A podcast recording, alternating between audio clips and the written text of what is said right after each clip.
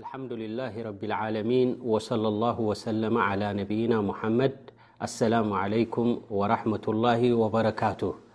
እቲ ኣስተምህሮ ናይ ኣልእሱለ ሰላሳ ማለት እቲ ኣገዳሲ ዝኾነ ኩሉ ሰብ ክፈልጦ ዘለዎ ንሳተን ድማ ኣብ ወዲ ሰብ ድሕሪ ሞት ዝሕተተለን ኣብ ቀብሪ እንከሎ ዝሕተተለን ስለ ዝኾና ኩላትና ክንፈልጠን ኣለና ኢልና ብፍላይ መረቡ ኮማዲኑ ኮመነብዩ ክዝብላ ናቱ ትንታነ ኣብ ዝሓለፈ ጠቂስና ነርና ሕጂ እንጠቕሶ ዘለና እውን ንዕኡ ማለት ከም ማለት ኣገዳሲ ዝኾነ ምስኡ ዝተተሓዘ ጉዳይ ንጠቅስ ኣለና ማለት እዩ እንደገና ተመሊስና ብዛዕበእን መን ረቡ ኮማ ዲኑ ኮመን ነቢዩክ ዝብል ድማ ክንትንትን ኢና ማለት እዩ ኣብቲ ዝሓለፈ ቅድሚዚ ዝነበረ ትሕዝቶና ማለት እዩ ሰለስተ ነገራት ኣለዋ ኣገዳሲ ዝኾና ከምኡ ኣስላማይን ኣስላመይትን ክፈልጥዎን ዘለዎም ኢልና ጠቂስና ንሳተን ድማ ረቢ ስብሓን ወተላ ንዓና ኸሊቁናን ረዚቁናን ከምኡ ድማ ልኡኻት ከም ዝለኣኸልናን እዚ ዓብዪ ሽሻይ ዓብዪ ንዕማ ምዃኑ ጠቂስና ከምኡ ድማ ኣላህ ስብሓን ወተዓላ ኣብቲ ዒባዳ እንገብሮ ወይ ድማ ወዲ ሰብ ዒባዳ ኣብ ዝፍፅመሉ እዋን ምስ ረቢ ስብሓን ወተዓላ መሻርክቲ ክገብር ከም ዘይብሉ እቶም መሻርክቲ ዝገብሮም ወላ እኮ ዝለዓለ ደረጃ እንተሃለዎም ናይ መላእካ ደረጃ ወላ እኮ ዝለዓለ ደረጃ ናይ ረሱል እንተኾነ እዚ መንጎኛ ጌርካ ወይ ድማ ምስ ረቢ ስብሓን ወተዓላ ኣፃሚድካ ዒባዳ ክትገብር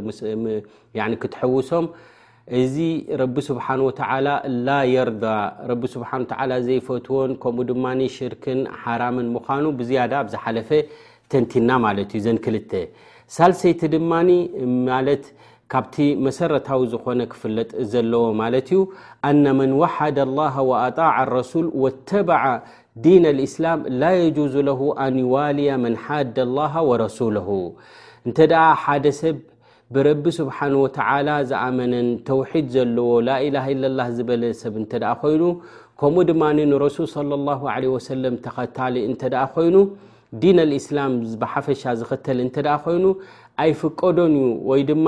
እዚ ጉዳይ እዚ ክፍፅም ኣይግብኦን እዩ እንታይ እንተ ኢልካ ነቶም መንገዲ ረብን መንገዲ ረሱልን ጥሒሶም ዝኸዱ ናታቶም ፈታውን ናታቶም ደጋፍን ናታቶም ኣዓዋትን ክኸውን የብሉን ማለት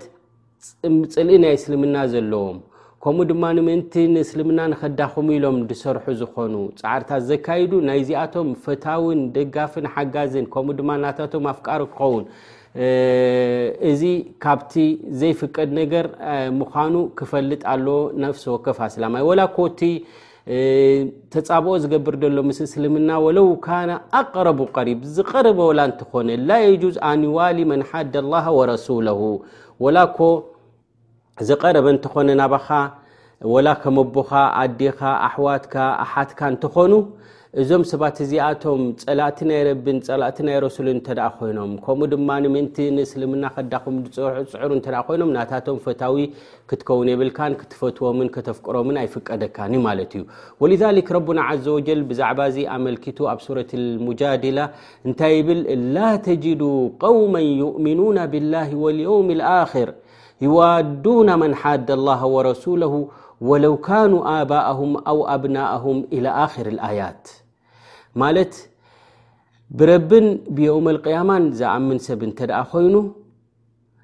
ነቶም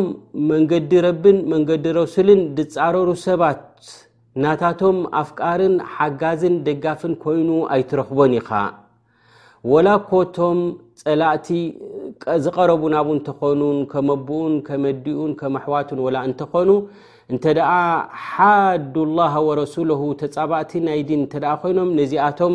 ፈታዊ ክኸውን የብሉን ማለት እዩ ወ ረና ዘ ወ ኣብ ቁርን እንታይ ብል ያ ዩሃ ለذ ኣመኑ ላ ተተኪذ ኣባኩም ወእክዋነኩም ኣውልያ ማለት ደጋፍን ሓጋዝን ኣፍቃርን ናይ ተፃባእቲን እስልምና ዝኾኑ ክትኮኑ የብልኩምን ናታቶም ፈተውቲ ክትኮኑ የብልኩምን እን ስተሓቡ ኩፍራ ዓለ ልኢማን ወመን የተወለሁ ምንኩም ፈላይከ ሁም ظሊሙን እንተ ናታቶም ሓጋዝን ደጋፍን ኣፍቃርን እተ ትኸውን ኮንካ እስኻ ካብኣቶም ኢኻ ይብር ረቡና ዘ ወጀል እዚ ኣብ ሱረት ተውባ ዘሎ ማለት እዩ ወልዛሊክ ረቢ ስብሓን ወተላ ንኣይሁዳውያን ከምኡውን ነቶም ነሳራ ምስ ጠቐሰ ብዛዕባኦም ኣብ ሱረት ልማኢዳ እንታይ ይብል ወመን የተወለሁም ምንኩም ፈኢነሁ ምንሁም ናታቶም ደጋፍን ሓጋዝ እንተ ኮይኑ ንዖም ዝፈት እንተ ኮይኑ እዚ ካብኣቶም ኢሉ ረቡና ዘ ወጀል እዘን ፈኣስሉ ዲን ኣለዚ ሁዋ ምን ማዕና ከሊመት ተውሒድ እታ ላኢላሃ ኢላላህ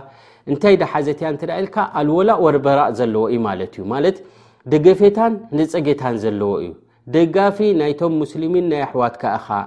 ነፃጋይ ድማ ናይ ሽርክን ኩፍርን ከምኡ ድማ ንዕኡ ዘማዕብሉ ዝኾኑ ናታቶም ድማ ተፃባኣይ ኻስኻ ማለት እዩ ኣልወላ ልልሙእምኒን ወልልኢማን ፈታዊ ወይ ድማ ደጋፊ ናይ ሙእሚኒን ከምኡ ድማ ናይ ኢማንን እዩ ኣስላማይ ወልበራ ነየናይ ከን ይነፅግ እንተ ኢልካ ድማ ሚና ልሙሽርኪን ወሽርክ ነቲ ሽርክን ነቶም ሙሽርኪን ነዚኣቶም ን ደጋፊኦም ኣይከውንን እዩ ወሃذ ዩዓርፉ ዑለማ እስላም ብኣነ እስላም እስልምና ክበሃል እንከሎ እንታይ ታዕሪፍ ናይ እስልምና ድሕር ኢልካ ንዑ ደሓዘ እዩ እንታይ ደሓዘ እዩ ብኣነሁ ኣልእስትስላሙ ልላሂ ብተውሒድ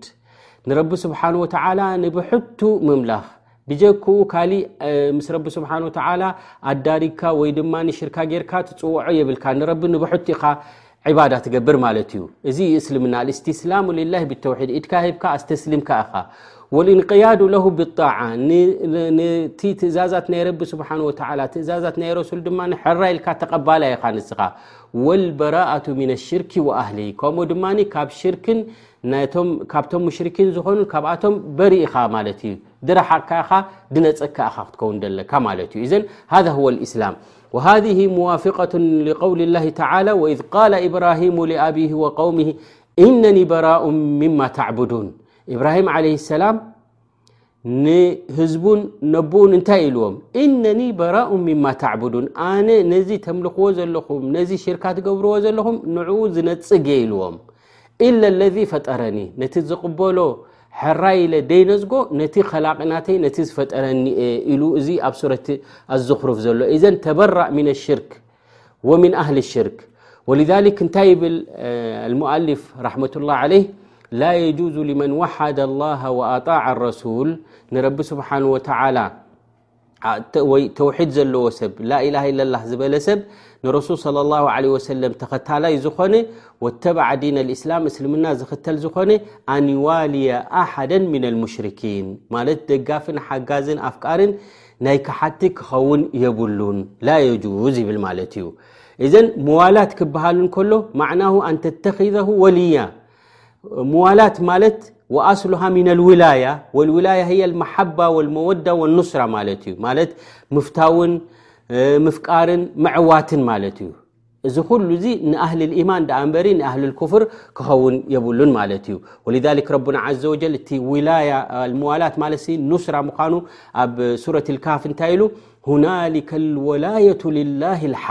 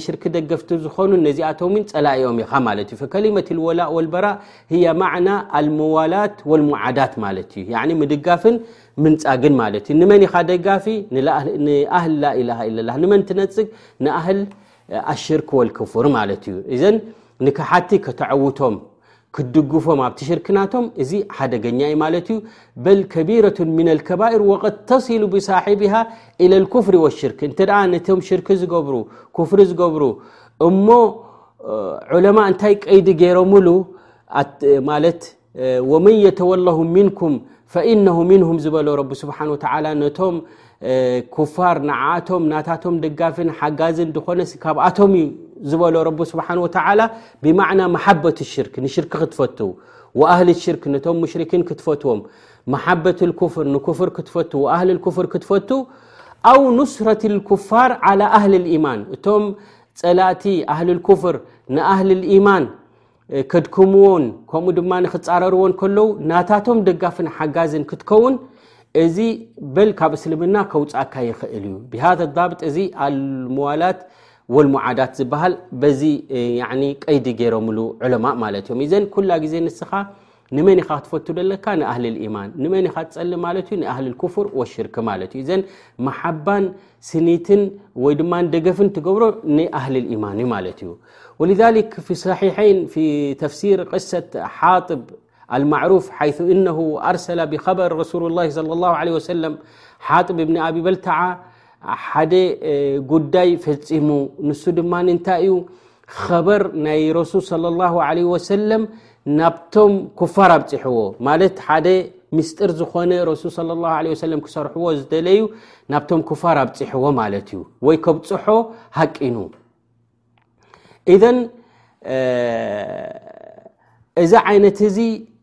ምስ ተፈለጠ ኣነቢ ዓለ ሰላት ወሰላም ከምኡውን ሰሓባ ኩላቶም ሓታ ሰይድና ዑመር ረድ ላሁ ዓንሁ ያ ረሱሉ ላህ እዚ ምስጢር ናትካ ናብቶም ኩፋር ክበፅሕ ዝፀሓፈ ሰብ ኣነ ነዚ ክመሕሮ የብለይን ፍቓድ ሃቡኒ ክቐትለ የ ምስ በለ ኣነቢ ዓለ ሰላት ወሰላም ዳዕሁ ኢሎሞ ግደፎ ኢኻ ኢሎሞ ምክንያቱ እንታይ እዩ ንሱ ነቲ ኩፍርን ነቲ ሽርክን ፈታዊኡን ደጋፊኡ ን ወላ እንታይ ዩ ቅድም ክትፈልጥ ኣለካ ማለት እዩ እዘኒ ኢሎሞ ሓጥብ ኢሎሞ ኣነቢ ለ ሰላ ሰላም ማ ሓመለካ ዓላ ሃ ነዚ ጉዳይ እዚ ናብዚ ክትወደቕ ዘብቅዓካሲ እንታይ እዩ እንታይ እዩ ነብዚ ብፅሑካ ምስ በልዎ እዘ እንታይ ይርእሎ ማለት እዮም እቲ ድሌት ናቱ እንታይ እዩ ዘሎ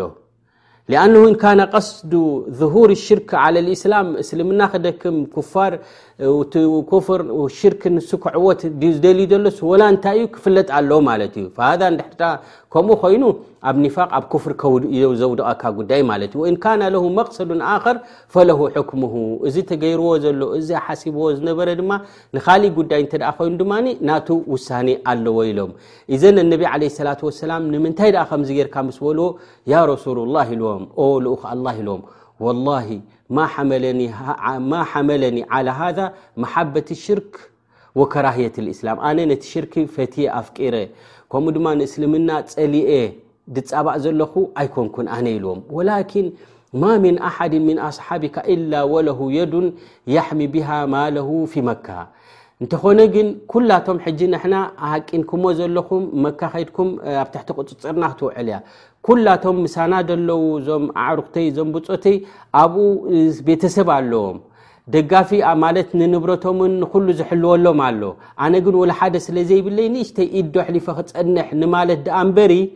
ነዚ ጉዳይ እምበር ንእስልምና ፀሊኤን ወይ ንቲ ኩፍሪ ክዕወት ኣብ ልዕሊ እስልምና ደልየ ማለት ኣይኮንኩን ኢሉ ገሊፁሎም ወነቢ ዓለ ሰላት ወሰላም ሰደቀኩም ኢሎም ሓቂ ተዛሪቡ እታ ቅንዕቲ ዝኾነት እታ ሓሰባ ተዛሪቡ ኢሎም ወልذ ረና ዘ ወጀል ብዛዕባ እዚ ዝምልከት ኣብ ሱረት ሙምታሒና እንታይ ብል ወመን የፍዓልሁ ምንኩም ፈቐ ضላ ሰዋء ሰቢል ኩላ ግዜ ደጋፍን ሓጋዝን ናይቶም ካሓቲ ክትከውን እዚ ካብቲ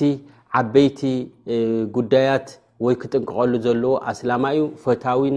መሓባ ዝህልወካ ምስ ኣህሊ ኢማን ክኸውን እዩ ዘለዎ ማለት እዩ ምዋላት ነቶም ኣብ ኩፍርን ኣብ ሽርክን ዘለዉ ናታቶም ደጋፍን ኣዓዋትን ክትከውን እዚ መሓረም እዩ ማለት እዩ እዘን ክቡራት ኣሕዋት እንታይ ንርዳ ማለት እዩ እዘን መሳኢል ሰላ ምን ልሙሂማት ልዕዛም እዘን ሰለስተ ነገራት እዚኣተን ዓበይቲ ጉዳያት እየን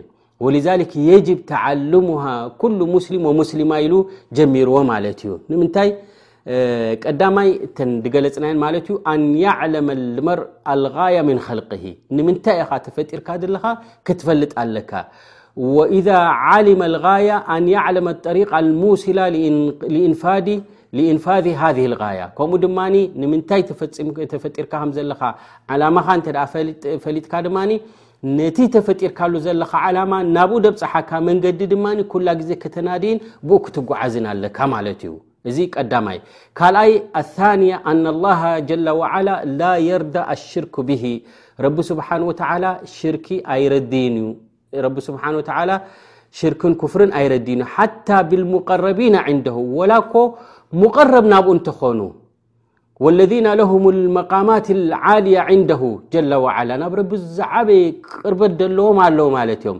ከም መላእካ ከምቲ ዝጠቀስናዮ ማለት እዩ ከም ጅብሪል ይኹን ከም ረሱል صለ ላ ለ ወሰለም ይኹን ወላ እዚኣቶም ዝቀረቡ እንተኾኑ ላ የርዳ ኣን ዩሽረካ ማዓሁ ኣሓድ ረቢ ስብሓን ወተላ ምስኡ ሽርካ ክትገብረሉ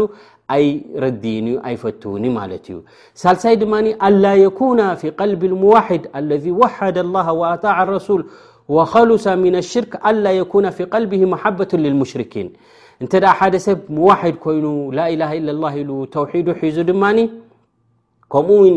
ተኸታሊ ናይ ረሱል ኮይኑ ረሱል صለ ላه ለ ወሰለም ዝገበርዎን ዝኣዘዝዎን ንኩሉ ሕራይ ኢሉ ምእዙዝ ኮይኑ ዝኽተል ንረሱል ለ ላه ለ ሰለም ስዒቡ ዝኸይድ እንተ ኮይኑ ካብ ሽርኪ ዝረሓቐ እንተ ኮይኑ ላ የኩኑ ፊ ቀልቢሂ መሓበቱ ልልሙሽርኪን ናይ ሙሽርኪን መሓባ ኣብ ልቡ ክህልዎ የብሉን ከምኡ ድማ ደጋፍን ኣፍቃርን ሓጋዝን ናይ ክሓቲ ውን ክኸውን የብሉን ማለት እዩ እተኣ እዚ ደጋፍን ሓጋዝን ናይ ኣህሊ ክፍር እተ ኮይኑ እዚ ኣብ ክፍሪ እውን የጋማግመካ ኣብ ክፍሪ እውን የውድቀካ እዩ ማለት እዩ እዘ ሃذ ኣላ ሂየ ሱል እስላም እዚ በኣረይ መሰረታዊ ድኾነ ናይ ዲን እዩ ማለት እዩ ኣስኣሉ ላሃ ዓዘ ወጀል ኣን የጅዓለኒ ወእያኩም ምመን ተሓቀቁ ብሃ ቀውለን ወዓመላ ነዚ ጉዳይ እዚ ዝያዳ ክንፈልጦን ዝያዳ ኣብኡ ዘለና ፍልጠት ዝዓበየ ክኸውን ኣለ ማለት እዩ ንከምኡ ድማ ሞኣልፍ ራሕመቱላ ዓለ የጅብ ኢሉ ናይ ግድን ይኸውን ዝኾነ ይኹን ኣስላማይ ንኣስላመይትን ክፈልጥዎ ዘለዎም ጉዳይ ኢሉ ጠቂስዎ ማለት እዩ እዘን እዚ ጉዳይ እዚ ዓብይ ጉዳይ ስለ ዝኾነ ብዛዕባ እዚ ዘለና ኣፍልጦ እናዓበየን እናሰፍሐን ክኸይድ ኣሎ ማለት እዩ እሞ ብዛዕባ ዘን ሱለ ላ በኣሪ ሕጂ ብዝያዳ ድማ ኣብቲ ዝመፅእ ኣስተምህሮና ክንትንትን ኢና ማለት እዩ ምክንያቱ ኣገዳሲኤን ኩላ ግዜ ውን ማለት ካብ ሓንጎልና ክፍለያ ዘይብለን ጉዳያት ን ምክንያቱ ወዲ ሰብ ኣብ ቀብሪ ምስኣተወ ዝሐተተለን ጉዳይ ስለዝኮና ብዛዕባ ኣፍልጦና እናዓበየ ክኸይድ ኣለዎ ማለት እዩ ወነስኣሉ ላ ዘ ወጀል